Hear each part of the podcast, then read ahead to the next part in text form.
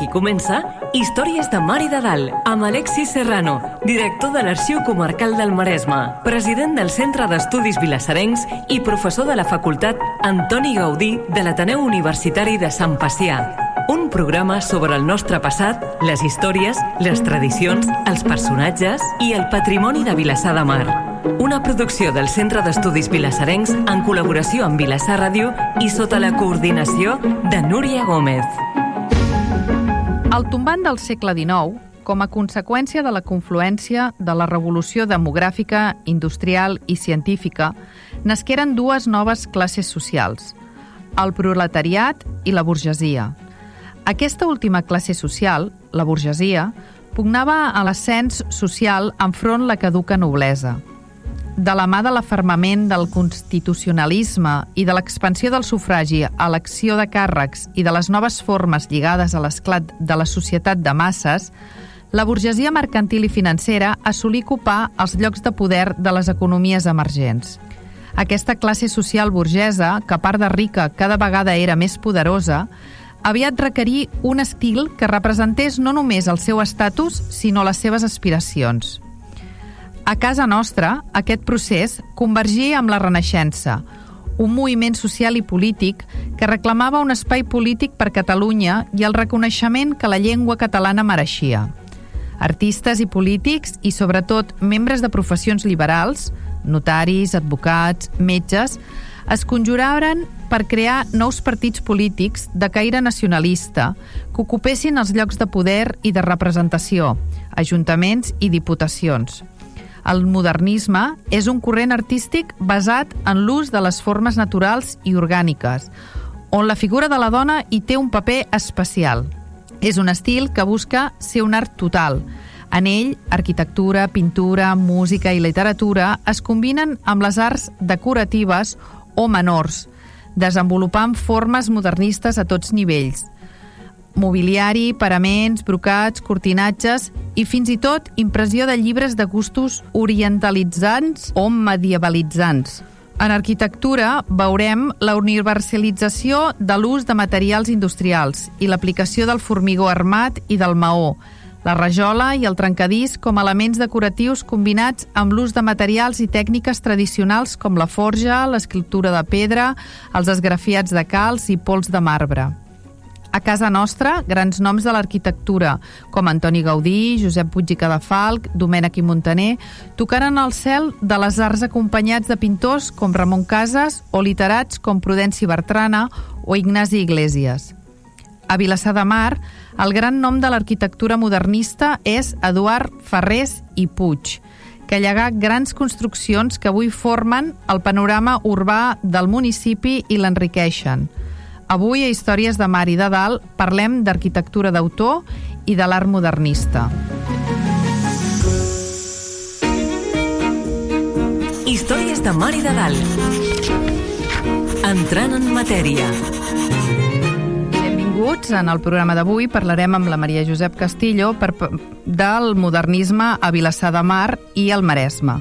I si de casa l'Alexis ens podria fer cinc cèntims sobre, sobre el tema d'avui. El modernisme, que sembla que tots en sapiguem molt, perquè realment en aquest país sembla que només hi hagi modernisme, no? Eh, de fet, ho veiem quan hi ha eh, promocions eh, turístiques o quan hi ha fires de turisme, no? Sempre mm. puntem sobre la mateixa idea, no? Patrimoni modernista, patrimoni modernista. Això val per Barcelona, però val per tota l'àrea metropolitana, sobretot, però en general del país. Eh, sí que és veritat que Catalunya és un país ric en aquest, en aquest tipus perquè va tenir un desvetllament econòmic, demogràfic i social doncs precisament en aquesta època que comentaves, finals del segle XIX, principis del XX és cert que tenim molt d'altres estils artístics que omplen a, a, els nostres pobles i ciutats, però sí que és veritat que tenim un, un patrimoni modernista notable. Què ho fa? Doncs ho fa eh, diverses qüestions, ja ho apuntaves, la confluència d'aquestes triple o quàdruple o quíntuple revolució. Què s'entén per revolució? Quan parlem en història parlem de revolució, és un canvi que s'esdevé eh, en molt poc temps i que trastoca eh, la situació, de forma i manera que és com una truita que es tomba, eh, i per tant fa un gir copernicà d'una situació prèvia a la situació resultant. Això és el que la historiografia anomena revolucions. Concretament, quan parlem doncs, d'aquesta doncs, època molt concreta, finals del segle XIX, principis del XX, doncs hi ha aquesta, aquesta múltiple revolució.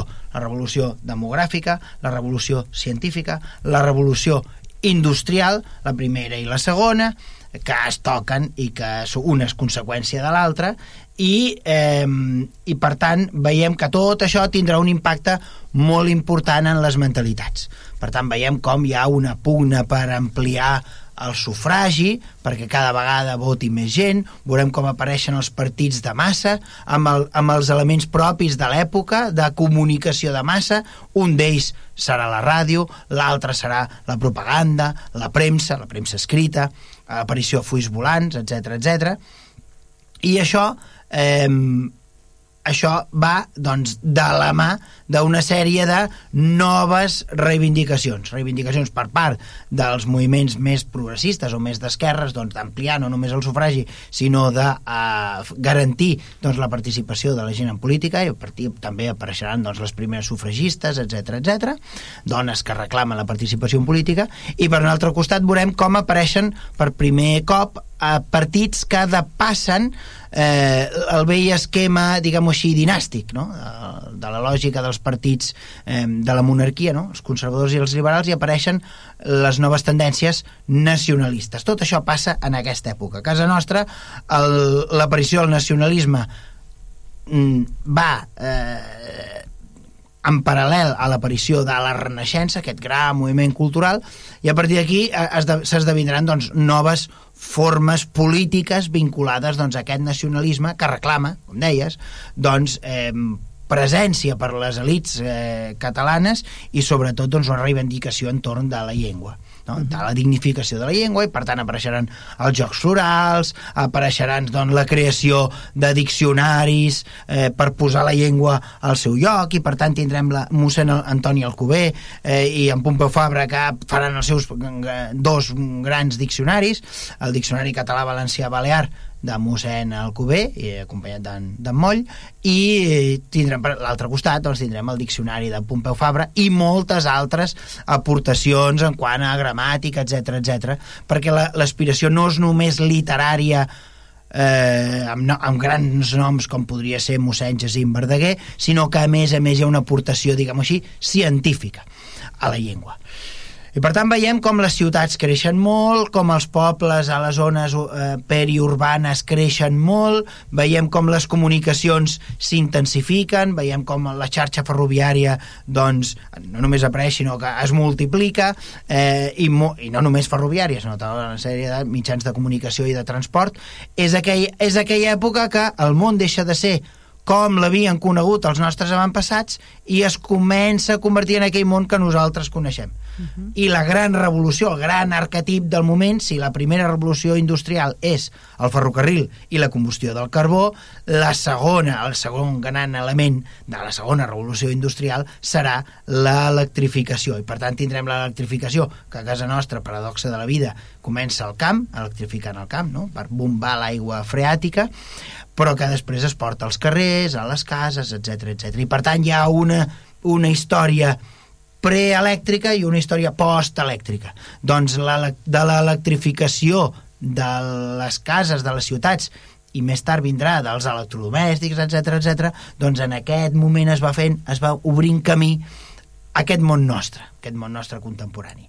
I és en aquest moment doncs, que aquesta nova classe que que pugna amb l'antiga eh, noblesa per ocupar els espais doncs, de representació, de significació i d'alguna manera de política, doncs aquesta burgesia, que és una classe que gairebé ha pres de, en aquest moment, perquè hi havia una, una, una burgesia medieval, però era molt escassa, uh mhm. -huh. en aquest moment tenim una burgesia doncs, que, que, que és molt abundant, diguem-ho així, hi ha una gran quantitat de gent que manega diners, i tenim una gran quantitat de, de gradacions de rics. Tenim els ultra rics, que són grans banquers, com podrien ser els Garí, no? eh, que fan cangueria a Cabrera, però després tenim eh, gent doncs, que té una fàbrica, una petita indústria, eh, gent que tenen petits comerços, i aquest, en aquesta època un altre dels elements i que no, no podríem explicar el modernisme sense aquest element és el turisme el turisme que arriba també doncs,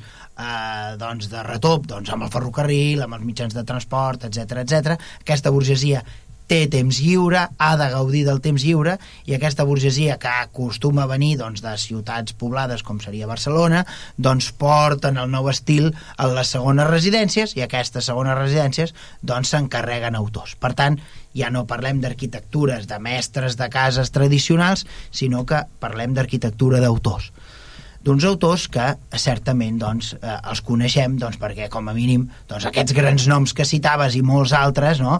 podríem, a part de Domènec i Montaner, Puig i Cadafalc eh, eh, Antoni Gaudí podríem citar doncs, en Raspall Montconill, Bogués i Montrabà eh, Estopà eh, Gallissà i Suquer eh, bla, bla, bla, eh? i els coneixem a tots perquè en aquella època la Universitat de Barcelona era l'única que donava el títol d'arquitecte sí. i cada any de la universitat en sortien vuit i per tant aquells que els hi pilla l'època del modernisme que estava de moda, doncs gairebé els coneixem a tots. Uh mhm. -huh. Però certament és, una, és un art, diguem així, global que té la seva, el seu, el seu esplendor també en pintura, el tenim en poesia, en literatura, amb totes les arts d'alguna manera, i també en les arts aplicades i jo crec que avui per parlar de tot això tenim una persona doncs, que s'hi ha dedicat molt i que és un plaer per tots nosaltres doncs, tenir-la aquí amb nosaltres.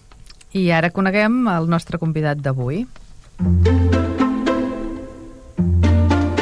Històries de Mar i de Dalt. Coneguem el convidat. La Maria Josep Castillo és llicenciada en Història, en Geografia i Història per la Universitat de Barcelona. També és professora del Departament de Ciències Socials i cap d'estudis de l'Institut Alexandre Satorres de Mataró, membre fundadora i secretària del Centre d'Estudis Argentonins, Jaume Clavell, i és autora d'articles a publicacions de Mataró i Argentona tocant temes d'història de l'art, història medieval i de publicacions, entre d'altres.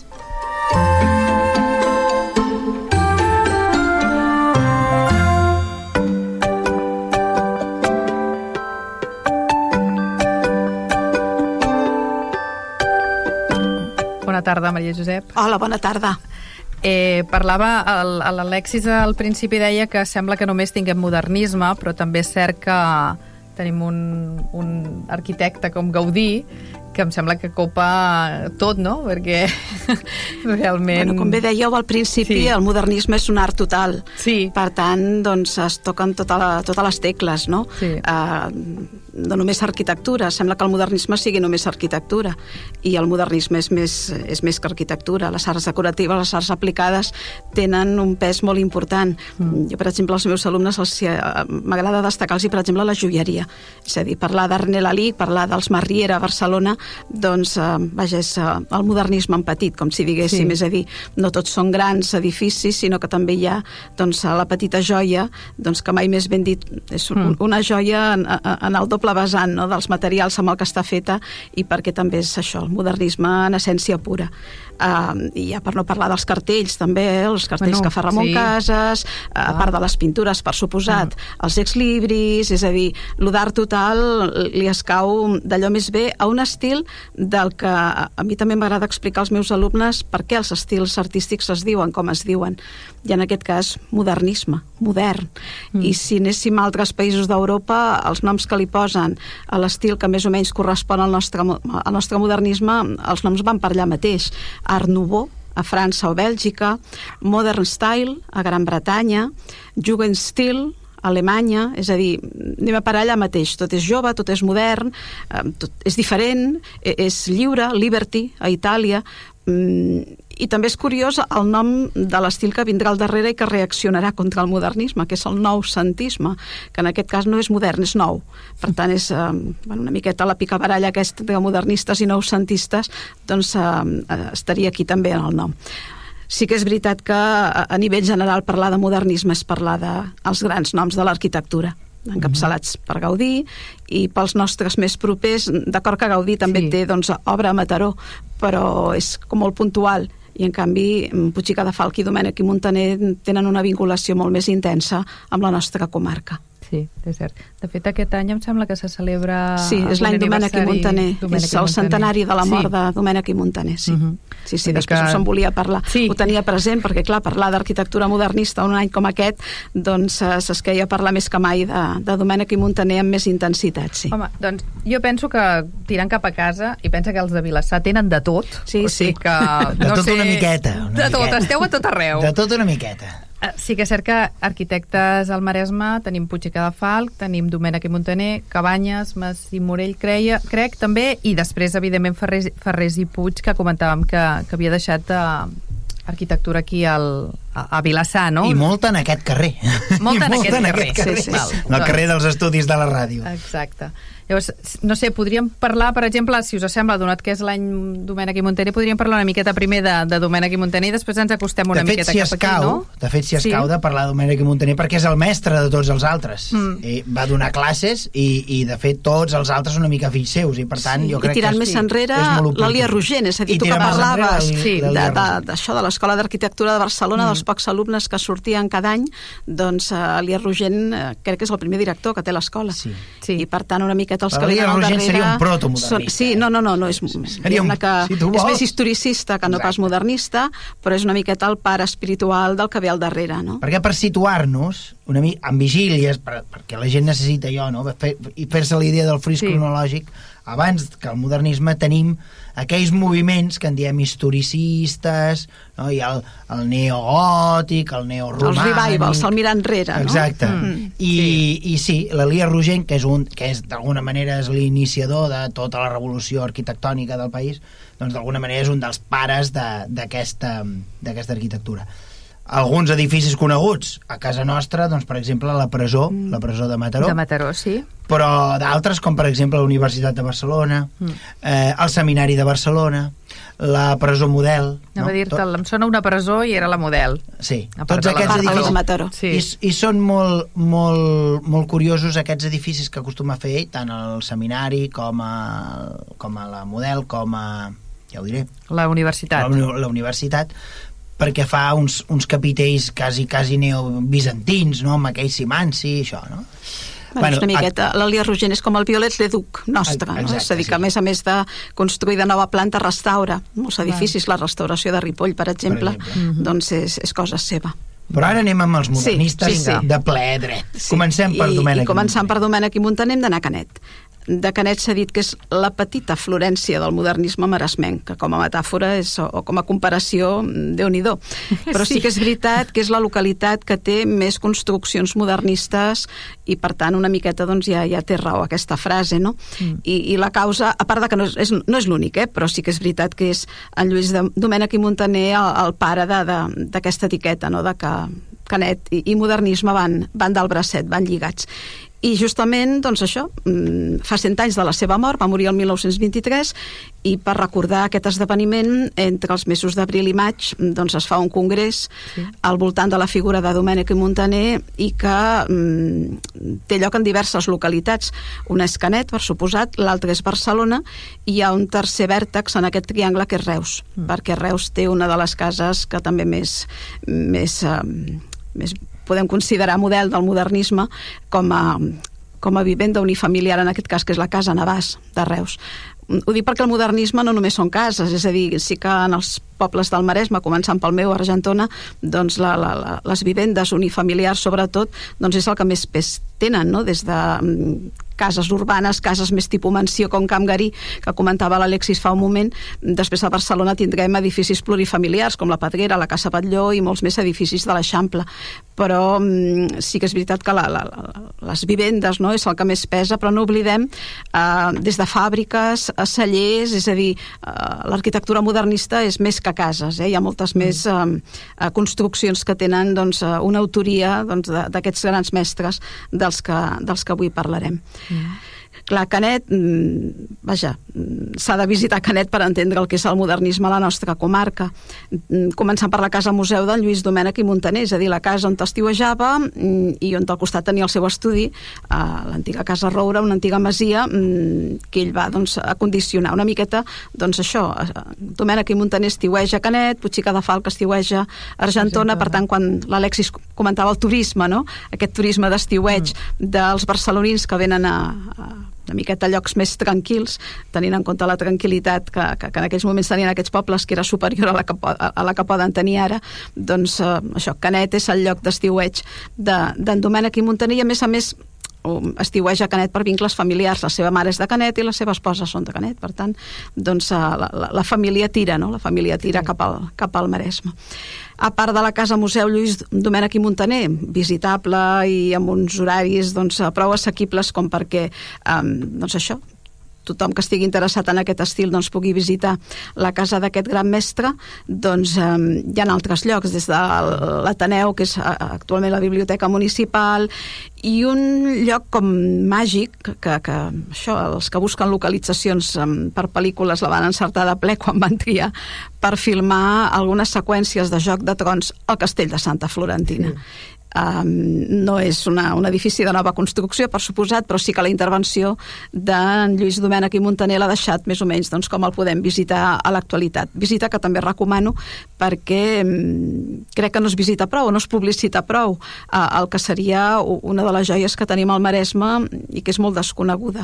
Uh, la veiem per l'autopista, és a dir, passant per l'autopista en direcció Girona, doncs ens queda allà mà esquerra, intuïm les torres um, una mica entre l'arbrat, um, passant a gran velocitat no dona temps de gaire més, per tant una aturada a Canet doncs, eh, vaja, és altament recomanable i ja dic, els que busquen localitzacions doncs se'n van adonar del potencial que tenia un edifici amb aquest aire medieval però alhora amb aquesta intervenció que especialment, lògicament, a l'interior doncs, ens l'ha convertit en una altra petita joia del modernisme a, a Canet um, es poden fer gincames uh, també ho dic perquè a vegades um, si tens crios o així a vegades sí. penses ostres, portar-los a veure un museu i tal però hi ha una gincama sobre el modernisme que es fa molt divertida per tot el poble i vas descobrint diferents espais com a mínim per tenir bueno, si vas amb, amb canalla, i qui no és tan canalla, jo l'he feta, i m'ho vaig, passar, vaig passar molt bé descobrint llocs de Canet que no m'hi havia fixat mai. Eh? Les visites guiades, doncs, També. és el que tenen, no? També, sí. vull dir que et porten mm -hmm. a raconets que igual pel teu compte sí. no, no descobriries, mm i, i ja posats a explicar curiositats del modernisme i Canet, eh, doncs es pot acabar la visita guiada, o la gent que anar amb canalla, doncs, comprant dolços que recorden els vitralls modernistes, és a dir, sí. tenen una galeta mm -hmm. que han dissenyat especialment, doncs, eh, són galetes vitralls galls, no? vull dir que recreen una miqueta uh, aquest element típic del modernisme. Sí, sí un altre element que també crida a, a, a persones doncs, per visitar localitats lligades al modernisme són les fires, la, les, um, la, les trobades, les fires modernistes, les festes, en què la gent es disfressa mm. amb roba doncs, de finals del segle XIX o principis del segle XX i es fan activitats més o menys que es podien fer en aquella època, jocs populars, i és també una manera de promocionar localitats doncs, com això, com Canet, se'n fan a moltes altres localitats sí. de, de Catalunya, eh, de fires modernistes, i és una miqueta per posar posar en solfa aquest estil que tant, doncs, que, que, que tant ens representa, no? per dir-ho així. Sí, sí, perquè és, és el que dèiem, era, era tot. Vull dir, tot sí, sí, l'art total, art total, sí, sí.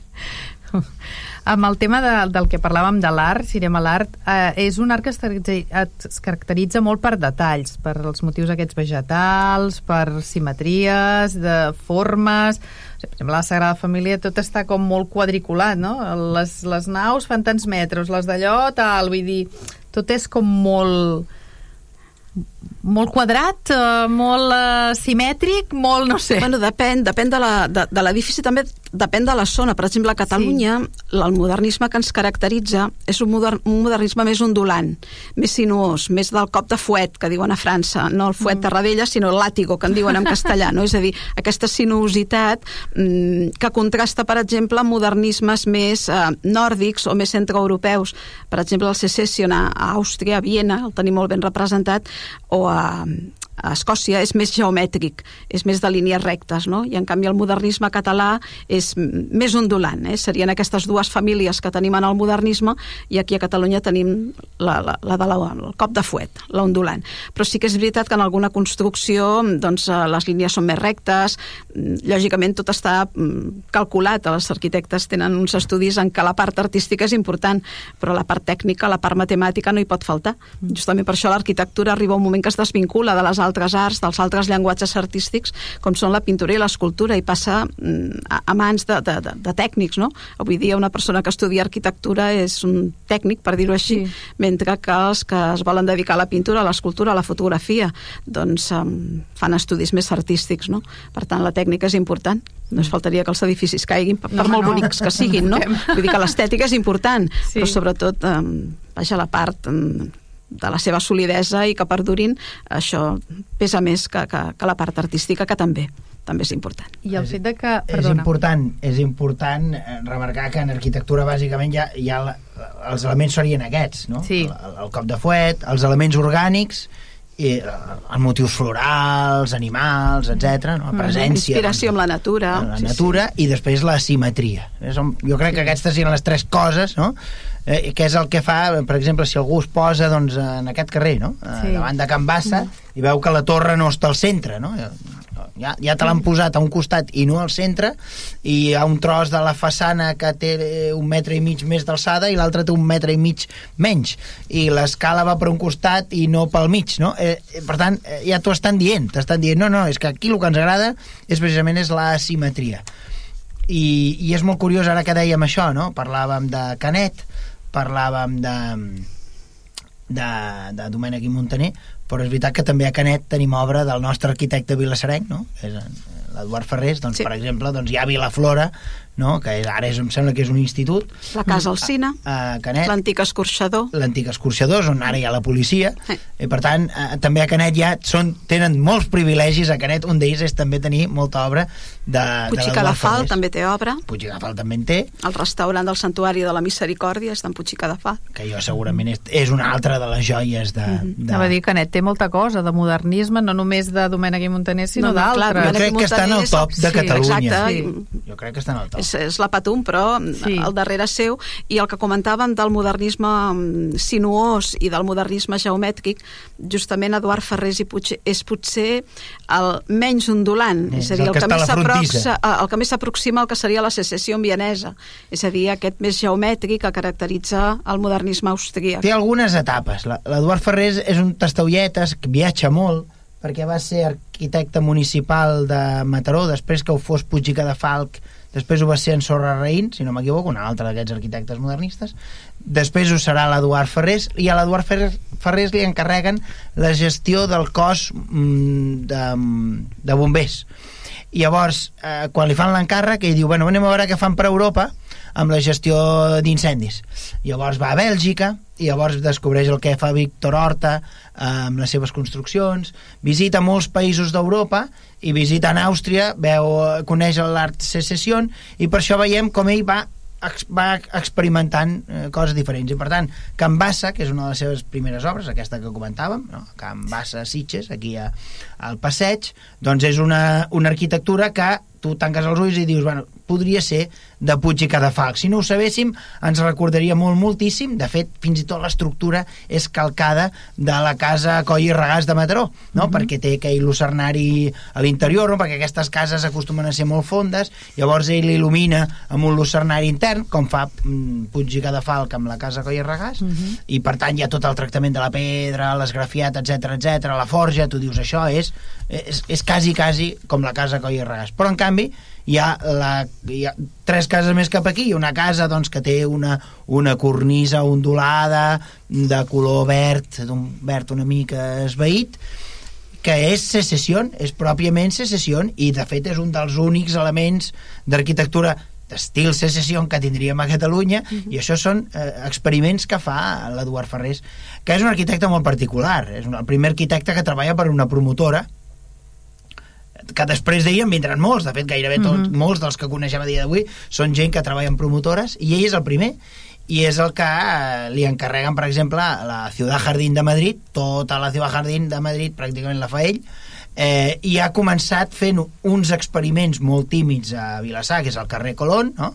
aquelles cases, com dirà eh, en Macià, no? casa i hortet, no? Amb pati al davant i pati al darrere, no? això, és, això és una experimentació de la casa Jardí, de la ciutat Jardí, i després ho porta a Mataró amb les, amb les cases de l'obrera mataronense, mm -hmm. no? hi ha el carrer Unió, uh -huh. i, i llavors eh, intenta fer, o sigui, ja fa aquest altre model, a Mataró ha una mica més gran, i a Madrid ja serà tot un barri sencer, no? perquè clar, és un arquitecte que treballa per que és, és algú ja quasi molt propi de l'etapa següent, no? però ell és dels primers. De fet, aquests arquitectes són gent molt interessant perquè els hi toca experimentar amb coses noves, no? El formigó armat, la planta lliure... No? La bueno, és el que li passa al modernisme, que està a mig camí entre la modernó, és a dir, mirar endavant, d'aquí ve el nom, mm. mm. i també tendències historicistes, és a dir, els materials que fan servir, el formigó, el ferro, és fruit d'aquestes noves eh, expectatives de l'arquitectura de finals del segle XIX i, i en canvi, doncs, mm, això seria mirar endavant, mm, però també s'inspiren en el passat. Eh, algun edifici recorda el Mudèixer, eh, la Sagrada Família en recorda el Gòtic, per tant, és un estil molt peculiar, molt particular, no? perquè mira endavant i mira enrere alhora. I tenen una gran sort, que és que encara, encara poden treballar amb els grans mestres de la construcció dels, dels, dels, dels oficis de la construcció tradicional. Sí. No? I per tant, hi ha gent que sap fer arrimadors de planxa, de planxa calenta, hi ha gent que sap treballar la ceràmica al trencadís, hi ha gent que sap treballar la forja, uh -huh. com els grans forjadors del barroc, perquè, perquè aquest coneixement que es pa... són gent que ha après l'ofici de pares a fills uh mhm. -huh. i per tant són gent que ha treballat amb aquesta amb, amb l'ofici tota la vida i, i tenen la capacitat això de poder contractar a baix preu, perquè ara ara contractar un escultor se'ns escaparia de pressupost, sí. però, però a l'època encara hi ha molts escultors que, que, que, que treballen relativament de forma, diguem, sí, bastant sí, barata, sí. i això és el que fa que les cases estiguin recarregadíssimes perquè sí. aquesta burgesia a més a més ho ha de fer notar eh? que, és que com si l'arquitecte fos el director d'orquestra i tots aquests que treballen a les seves ordres siguin els músics no? sí. els que fan la forja l'Eusebi Arnau fent eh, escultures mm, és a dir tots s'hi col·laboren i tots amb harmonia i, i a més a més fan junt el continent i el contingut sí. és a dir, l'edifici, el que és l'estructura però també tot el que hi ha dintre acabant pel mobiliari, per exemple, no? És a dir, Gaudí dissenya també mobles mm. i no és l'únic, eh? és a dir, que continent i contingut van molt, van molt lligats. Clar. I Domènec, ai, no, perdó, i, i Puig de Cadafalc, per exemple, eh, fa eh, dissenys de, de, de treballs en puntes de coixí perquè a casa seva fabricaven puntes de coixí mm -hmm. i, i ell fa alguns dels dibuixos de les puntes de coixí que decorarien doncs els coixins, que decorarien la, jo què sé, les taules, que decorarien que tot això és molt difícil de conservar, però hem de pensar que tot això va en consonància, eh? els mm, brocats, les, les cortines, tot, eh? es porta fins a l'extrem. Sí, sí, ha de ser tot... I no només mobiliari de dintre de les cases, no? també es dissenya mobiliari urbà, des de les rajoles del Passeig sí. de Gràcia de Barcelona als fanals de la plaça Reial, no? Vull dir que tot d'alguna manera tot ha, d'estar, tot ha d'estar com en conjunt, Connectat, no? Sí, Vull sí, dir, sí, clar, sí. tu no faràs una casa moderna amb mobles an antics, no? Vull no, dir, en especial final... en algunes construccions mm. que els mobles s'hi han d'adaptar molt bé a la forma que l'arquitecte ha dissenyat.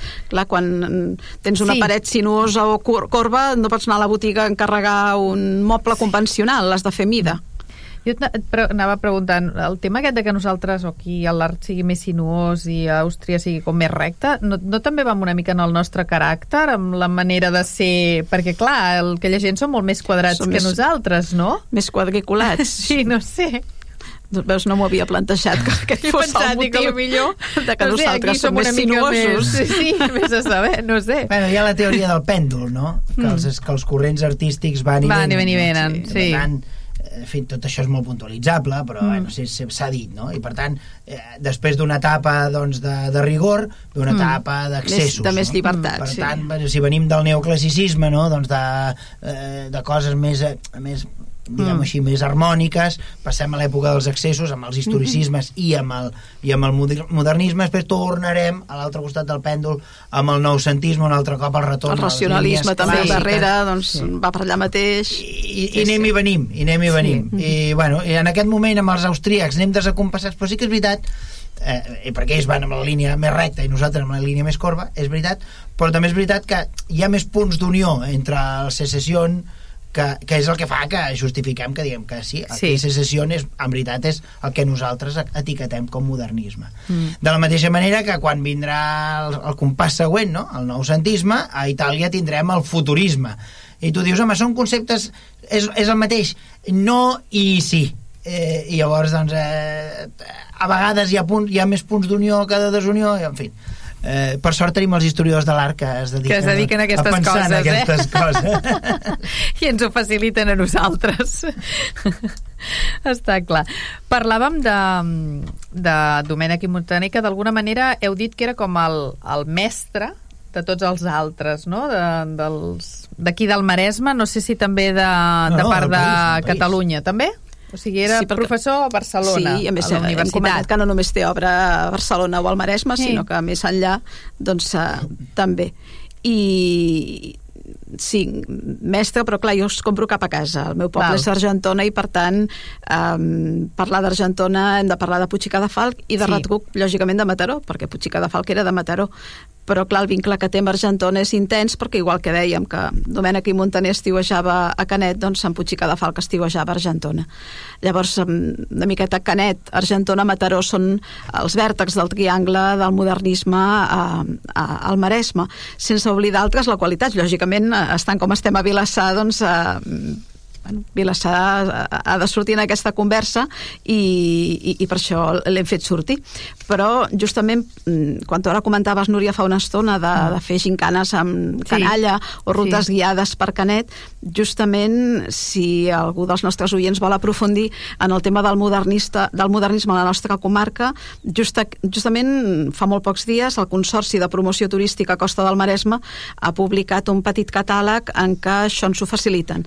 És a dir, que mm, és un fulletó que es pot a més a més trobar per internet en PDF, a part de que en qualsevol um, oficina de turisme, a Mataró mateix, a l'Ajuntament es pot recollir mm. i que ens permeten anar resseguint um, en aquestes localitats amb més densitat de construccions modernistes doncs, quines són les rutes que amb una passejada ens permeten doncs, visualitzar el que de vegades no, no, passes pel davant mil vegades, no? Vull dir que quanta gent no passa per la carretera i, i no se n'adona de que això, de que està passant per un passeig mm. on gairebé un al costat de l'altre mm, hi ha cases notables, no? Sí. Uh, de vegades simplement cal aixecar la vista del mòbil. Sí. Vull dir que vas caminant i vas mirant el mòbil. Doncs en lloc de mirar el mòbil, mira, mira façanes. Passa igual a Barcelona, no? Sí. A Barcelona jo sempre dic que està molt anar amb metro, però que quin goig anar amb autobús, que a sobre vas alt i com que vas una miqueta més alt, doncs tens les façanes amb una altra perspectiva, no? Uh -huh. I, I descobreixes veritables joies que si vas a nivell de carrer i, a més a més, doncs, o mirant el mòbil o mirant aparadors, doncs, Doncs no no te n'adones de la riquesa que hi ha simplement al carrer. És a dir, Sí. que està molt bé visitar museus. Per cert, tenim un museu del modernisme a Barcelona, monogràfic, museu privat, però és un museu modern, de, a part de que Almanac trobem, trobem obres doncs, de, de la plàstica modernista, doncs el fet de tenir un museu monogràfic dedicat doncs, a això, a, a pintura, vitralls, escultures, cartells, doncs eh, és un goig. Mm. És a dir, que mm, a qui li agradi aquest estil se'n pot fer un tip de veure modernisme però que de vegades és simplement, vaja, que és gratis passejar pel carrer Sí. i, aixecar una miqueta la vista i ja veus doncs, escultures, esgrafiats, mm, vitralls i per suposar si tens la possibilitat d'entrar-hi millor que millor, és a dir que està molt bé mirar la façana de la casa Coll i Regàs del carrer Argentona de Mataró, però si pots entrar dintre millor que millor. I aquí ho permet perquè que fan visites, potser no sé les d'aquí de Vilassar si són particulars, a lo millor és més complicat És més que puguis accedir-hi, no? Però bueno, però ja t'has fixat que els de Vilassar, eh, el Ferrés Puig ha fet a la Ciutat Jardín de Madrid. Sí, no, ens hem Ah, ampliat, sí, clar, eh? clar, sí, sí. No, no, vull dir que jo li deia abans que els de Vilassar esteu per tot arreu, aquí heu arribat Ah, fins a Madrid. i, i l'Hotel Ritz i el Veus, Plaza veus, i veus, tots veus. els que tu vulguis perquè se li encarreguen aquestes grandíssimes construccions no? l'Hotel Ritz de Barcelona per exemple Sí. eh, el Ritz de Madrid, de Madrid també se li encarreguen eh, vull dir, fa, viatja molt i construeix molt per tot arreu però clar, no és és mèrit seu, certament, no se li pot negar, però també és el, el mèrit de treballar al servei d'una promotora, no? perquè, perquè és en aquesta època, insisteixo, que el món es converteix en el món nostre i per tant, de la petita promoció urbana de jo compro un terreny o compro una casa a l'Enderroco i em faig la casa nova a un senyor que agrega capital de molts senyors i que munta un holding constructor, no?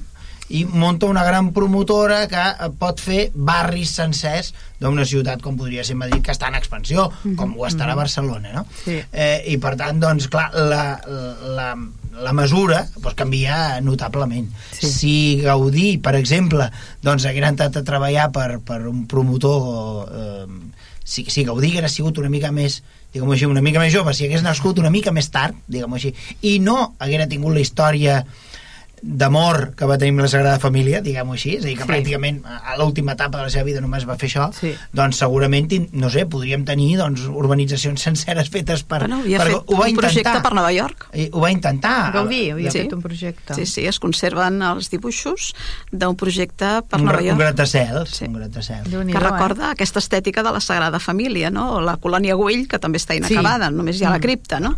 L'església de la colònia Güell.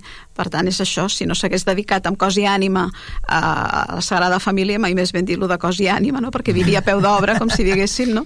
Doncs eh, també hauríem tingut més projecció de Gaudí fora de, de Catalunya, que ja en tenim, eh? Perquè tenim obra seva mm, a, Comilles, a Comilles, tenim el Capricho, tenim a, a Lleó, León. la Casa Botines, a Astorga, tenim el Palau Episcopal, és a dir, que ja tenim obra d'ell fora de Catalunya, però clar, imagineu-vos que en tinguéssim a Nova York, no? la seva projecció doncs encara hauria estat molt més uh, internacional. Si ara agrada a japonesos que venen gairebé expressament a veure Sagrada Família, mm. doncs uh, això, si tinguéssim obra seva a un lloc tan carismàtic com Nova York, ja ni us explico.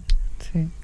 Parlaves també del tema abans de que, bueno, parlàvem de que era un art total, música, arquitectura, literatura, escultura, arts art arquitect- decoratives, joieria...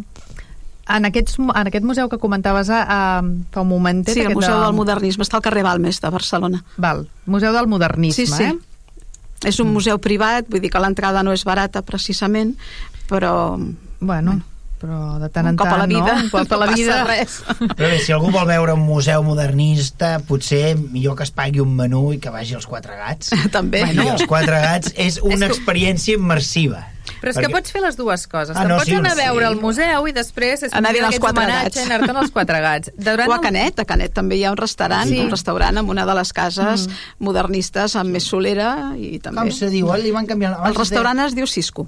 Cisco, abans es deia Sant Jordi. que és Sí. un cis i una Q, és Sí, a dir, que exacte. ho llegeixes Cisco, però amb dues grafies en tens prou. És el del Sant aquell, Jordi. Aquell restaurant està molt bé. Està molt ben rehabilitat, a més a més, és a dir, la, la, la restauració que han fet per convertir-lo en restaurant, vaja, és un goig. I si tens un grupet de 6, 7, 8 persones... que et portin al reservat, no? Tenen un reservat que és, que és la, la tribuna, Sí. que és rodona, i aquell, i aquell menjador està molt Sí, bé. sí, sí. menjador- Jo als Quatre Gats, L'interior sí. també està molt bé. Sí. Eh, però... Jo als Quatre Gats hi he anat, el de Canet no. Doncs, Doncs val la pena. al Núria, te l'apunto. Sí. Val la pena. No, no, no, però el del Museu de Modernisme sí, perquè... També teníem un gran restaurant que era Can Baladia, a Exacte. Argentona. Ah, que sí, permetia veure anat. una gran casa modernista i ara sí, diria però després de passar per una fase doncs, una miqueta fosca, doncs està, abandonat. tancat, no? Sí, bueno, des que van Bueno. descobrir una plantació de Maria en el seu subsol, doncs... Vaja. Ostres! Sí, sí, i com a restaurant ha Vaja. passat a la història Vaja, i vaja. ja no podem gaudir de la joia modernista que teníem també a Argentona, a l'Argentona d'en Puig i Cadafalc, sí, sí. En el tema de l'arquitectura, de totes maneres, eh, el que, lo que també es venia a demostrar és el, els diners que tinc, no? Vull dir, perquè parlem d'aquesta burgesia, vull dir, que serien los nuevos ricos, no? Que en aquell moment, ara, els nuevos ricos d'ara, no? De dir, vinga, va, jo, perquè es vegi tot el que tinc, que em vingui aquest senyor i em faci... I... Clar, es comprarien un iot o un Ah, descapotable, llavors es feien una, Unes- un bon casalot. Sí. Un... I de vegades també com inversió, perquè és molt habitual a l'Eixample les construccions que es feien perquè el propietari es reservés una planta de l'edifici i es venessin o es lloguessin a les altres, als altres habitatges, no? Mm. És allò de que en els, en els timbres de, de, dels, de, dels edificis veus principal i després primer primer, segon, tercer, quart pis, no? Sí. Vull dir que el principal se'l reservava a, a l'amo de l'edifici, el que feia la inversió, el que contractava l'arquitecte de, de renom i, i, i fins i tot l'entrada a l'escala era més noble fins a arribar al principal i després ja els llogaters, doncs mira, si tenien una escala més uh, humil no passa res. Bueno, després ja amb els ascensors, lo de les escales ja no té tant de sentit, no? Però sí que és veritat que, que de vegades també és com un- una inversió, un negoci, no? Mm. De, de llogues als baixos per, per, per comerços o per, per tallers o per fabriquetes i tu reserves el principal per viure tens tota la planta per tu i els habitatges que hi ha per sobre, més compartimentats, doncs es lloguen o es venen i per tant, bueno, així ens va funcionar la Pedrera, així ens va funcionar doncs, bueno, molts altres edificis de, de solera de, de l'Eixample de Barcelona.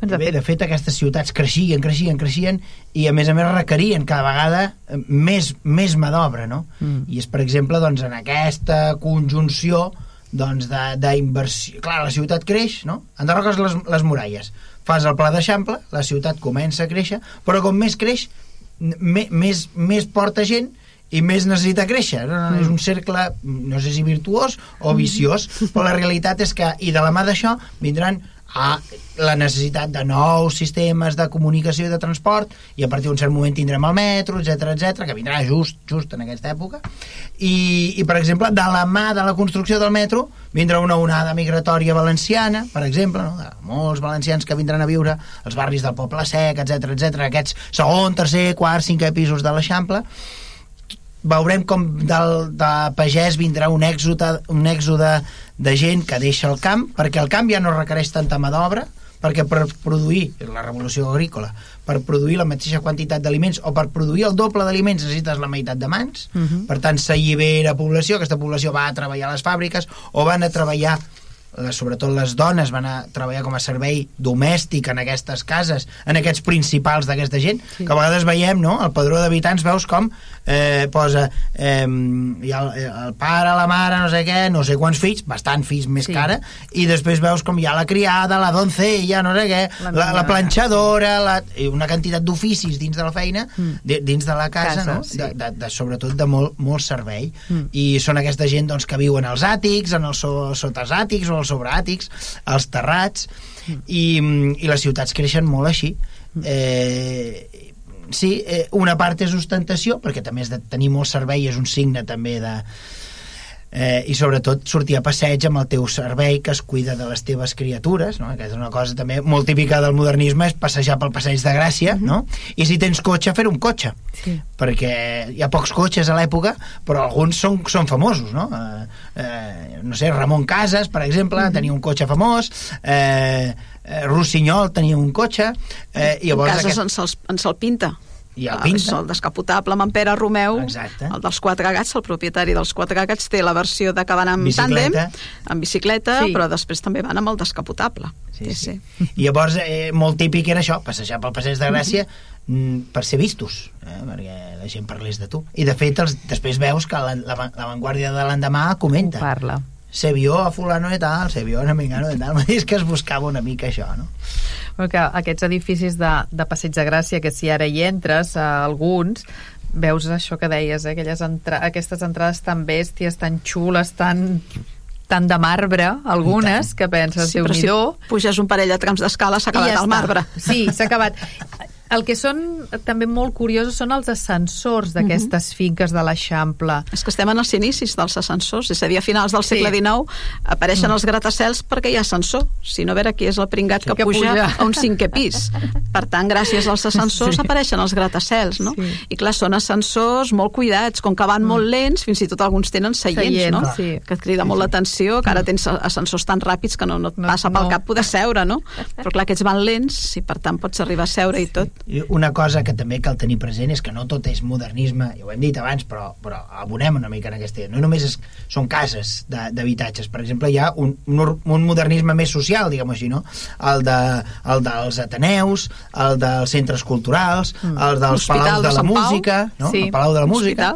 Eh, hi, ha, hi, ha un, hi ha un modernisme una mica més, més de, democràtic, Mhm. però també hi ha l'altre modernisme, el modernisme d'on es feien doncs, jornades laborals de més de 12 hores, no? que serien les fàbriques, Les fàbriques, la casa, sí. eh, casa Ramona, per exemple, per citar alguna, o per exemple l'obrera l'obrera Mataró. matarolense Sí, de, sí. de Mataró, eh, de, de Gaudí. Eh, per tant, eh, hi ha una mica el modernisme toca una mica tot arreu, no? Fins i tot als cementiris. Exacte. Sí, és cert. De fet, aquí, eh, no, un altre Mm. cop, perdoneu-me, Sí, és per tornar Sí. a casa, per tornar Torna, a Vilassar. torna- tornem a Vilassar, tornem a a Vilassar Vilassar. tenim la portalada del cementiri que to, sembla ser que la va finançar en Cambó, polític de l'època, eh, que la seva mare doncs, vivia davant de l'estació de Vilassar, i, i, i l'encarrega a Eduard Ferrés, i Eduard Ferrés fa aquesta entrada al cementiri, també molt asimètrica, amb la figura Sí. doncs, de, de la forja, aquests elements doncs, que recorden també el gòtic, no? i les espirals doncs, pròpies doncs, de, del romànic i del gòtic de, del Pirineu, per exemple, no? Eh, i el treball de la pedra, la figura femenina, no? Les, les virtuts teologals, la fe, l'esperança, la caritat, no? Mhm. de, tots aquests elements eh, i després moltes tombes que són Sí, modernistes sí, el cementiri de Canet, tenim Masnou, Soleus, Sí, Masnou. també. Mataró, Arenys, Arenys de Mar. Sí, Arenys sí. també sí, sí. No, no, Déu- Déu-n'hi-do, eh? Sí, sí, Perquè és que això són moltes tecles les que toca el Sí, modernisme, eh? que exacte. no tots són grans casalots com els de la Mansana de la Discòrdia de Barcelona, no? On tenim mm. això, la casa Batlló, la casa Matller i la casa Lleó Morera amb una illa de cases, només mm, tres patums del modernisme a tocar gairebé, no? en 100 metres Doncs, sí, En sí, 100 sí. metres, exacte.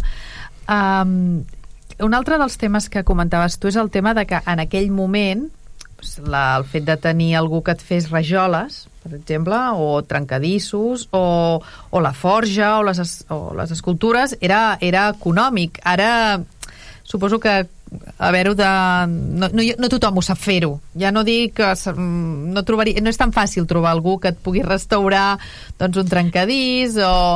o... I els gustos, els gustos estètics també han canviat, és a dir, que ara anem a, a, a lo fàcil, no tenim minyones, per tant, doncs, eh, tot ha de ser pràctic Mm. i, per tant, com més net i polit sigui l'interior, sense gaires sinuositats, millor, si Sí. no s'hi posa la pols. Exacte. Per tant, bueno, estem en una estètica diferent, més minimalista, si tu vols, i per tant, tota aquesta filigrana modernista doncs, eh, tenia la seva raó de ser en aquell moment i, i no té la seva raó de ser ara. El que passa que en aquell moment suposo que el fet, per exemple, el, el tema de la ceràmica i tal, també de, devia donar haver-hi moltes fàbriques per, la, per properes a per aquí. Doncs, Clar, és que es donava feina a molta Clar. gent, és a dir, no Sí. Mm. només l'arquitecte eh, amb tota la feina dels obrers eh, que construïen maó sobre maó, pedra sobre pedra, no? Que hi havia doncs, el que et feia la, el treball de forja, l'escultor, el mosaicista, el vitraller, eh, i a més a més tot conjugat, és a dir, que tothom, el que deia jo del director d'orquestra, Sí. no? l'arquitecte dirigeix a tots perquè tot ha d'anar en consonància, tot ha d'estar en consonància.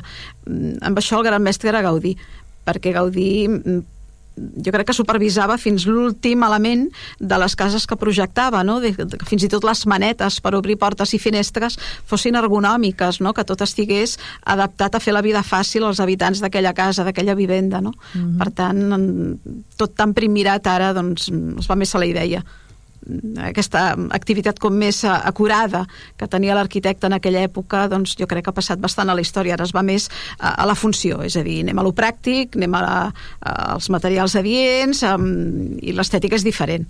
Sí, bueno, clar. aquí, aquí en, en això que dèiem eh, dos cases més enllà tenim la casa, la casa de l'Eduard Ferrés l'Eduard Ferrés va néixer al costat de la Torre d'en Nadal no? a Cala Duana.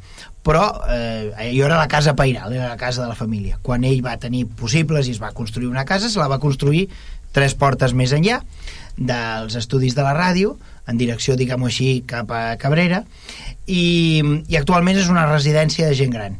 Eh, jo sempre dic que la gent que si poden, per poc que poden doncs, i no, sense molestar massa els residents però si, els si, si demanen permís per entrar, val molt la pena mirar els arrimadors de l'entrada i de l'escala que puja que puja la casa amunt perquè ha en, en, els arrimadors són fets de, de llauna, això que dèiem no? això es posava, es posava les- l'estuc eh, i en fred i la llauna es posava calenta i agafava la, la forma hi ha tots els oficis de la construcció d'aquesta època i per tant veiem tots els artesans treballant eh, to- tot, totes aquestes tècniques molt interessant com a la casa d'un arquitecte la decoració que tria eh, són doncs, òbviament les eines la, les eines i, les, i, les, i els oficis de la construcció no? Està molt bé I deixar és- constància doncs, això de que l'obra no només l'ha fet ell, l'arquitecte, sinó en col·laboració amb tota aquesta altra gent. Ah, eh, Per exemple, a, casa, a la casa Coll i Regàs és normal trobar doncs, la figura de la filosa, eh, doncs, els engranatges de, de, de la indústria del tèxtil, no? perquè és una casa doncs, feta per un industrial del tèxtil,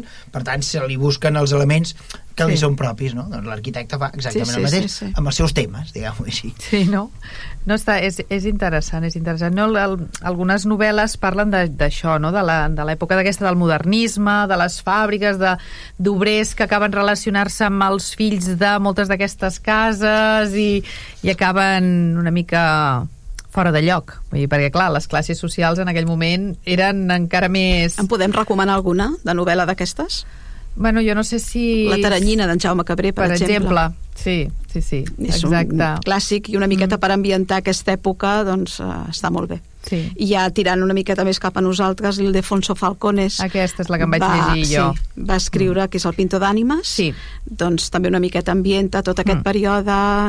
Sí, bueno, després sí. hi ha un gènere que és molt i toca de ple a Ja aquesta veuràs. època que són, serien totes les obres de l'Agatha Christie. També? Totes les obres de l'Agatha Christie ens dibuixen aquesta societat, Sí. aquesta societat burgesa, no? l'Orient Express, no? aquest Ui, sí. viatge doncs, des de, ja des de París de país. Amb la Núria es comprava més cap Sí, a casa i tu ja te'n vas a Gran però Bretanya. realment, Però sí, realment, sí. si pensem, Sí, sí. mm. aquesta època és la de la globalització amb la letra. Sí. Eh, I per tant veiem com una burgesia una burgesia mundial. Sí. Eh, D'aquí, en aquest programa, a vegades hem parlat doncs, de la immigració americana i veiem com els gustos de la moda que es troben aquí, doncs veiem com els nostres capitans ho exporten a l'Argentina i a l'Uruguai, etc Sí. etc. no? I veiem que hi ha un món molt més connectat del que ens podria Sí. semblar. Mm. És molt usual veure en els fons documentals de les famílies de la nostra època, veure com, per exemple, doncs, hi havia postals doncs, de Nova York on comencen a veure gratacels que, que, que, i per tant eh, això arribava aquí, la gent començava a veure què es feia, i el món aquest món, de, diguem-ho així plenament industrialitzat, no? aquesta època doncs, doncs té això, i l'Agatha Christie dibuixa aquesta societat Sí. Que és molt universal al final, eh? Perquè Al final, si, un, si el, el detectiu es diu Poirot o es diu Però o vols es dir que diguera aquí hi havia un tants conill... de crims com ens pinta l'Agatha Christie a Jo Gran que- Bretanya? Sembla que no, jo eh? crec que ell es carregava tothom. Però aquest de, aquests, no, o sigui, la taranyina o el, El o el pintor Falcones, d'ànimes sí. del Falcones, per exemple, el, el del Falcones, que és una mica aquesta idea, és la construcció del Palau de la Música.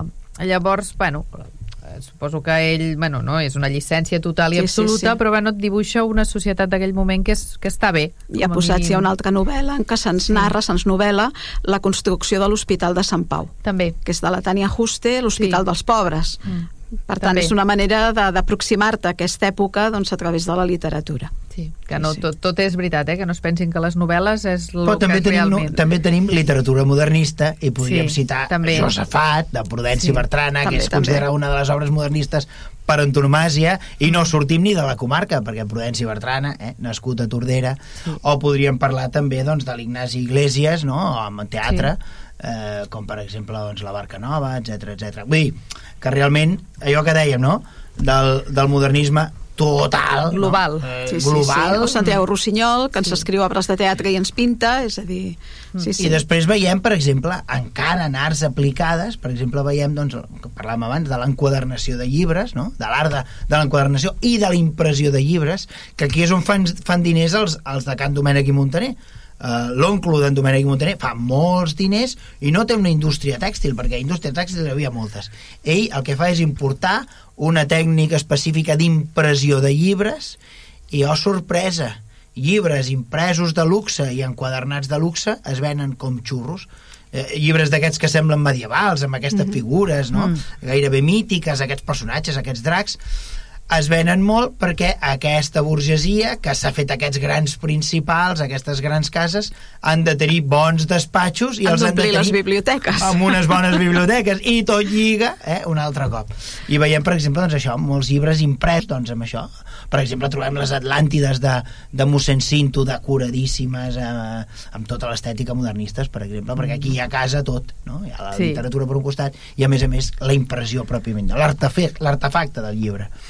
Sap greu, però hem arribat al final del programa. Jo no vull marxar sense arrencar un compromís de la nostra convidada d'avui. Doncs tens poca estona. Un dia podem parlar del nou centisme? Doncs vinga, Apa. Doncs jo- a dir que sí. Ara m'ho apunto. Molt bé, doncs, Serà la, moltíssimes... la continuació, no? Exacte. Després del modernisme, el noucentisme. D'acord. Molt, moltíssimes gràcies per Gràcies a vosaltres per convidar-me.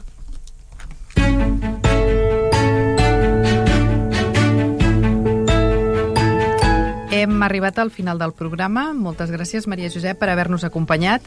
Recordeu que podeu tornar a escoltar el programa a través de vilassarradio.cat i a Spotify buscant Històries de Mar i de Dalt.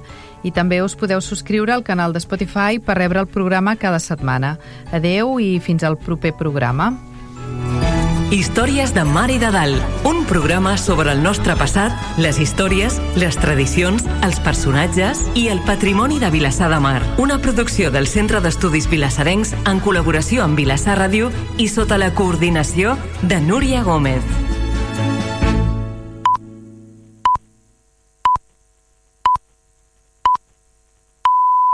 Vilassar Ràdio són les 10 de la nit. Servei d'acreditació de competències professionals. Jo he treballat de pintora i ho he acreditat. Jo he après a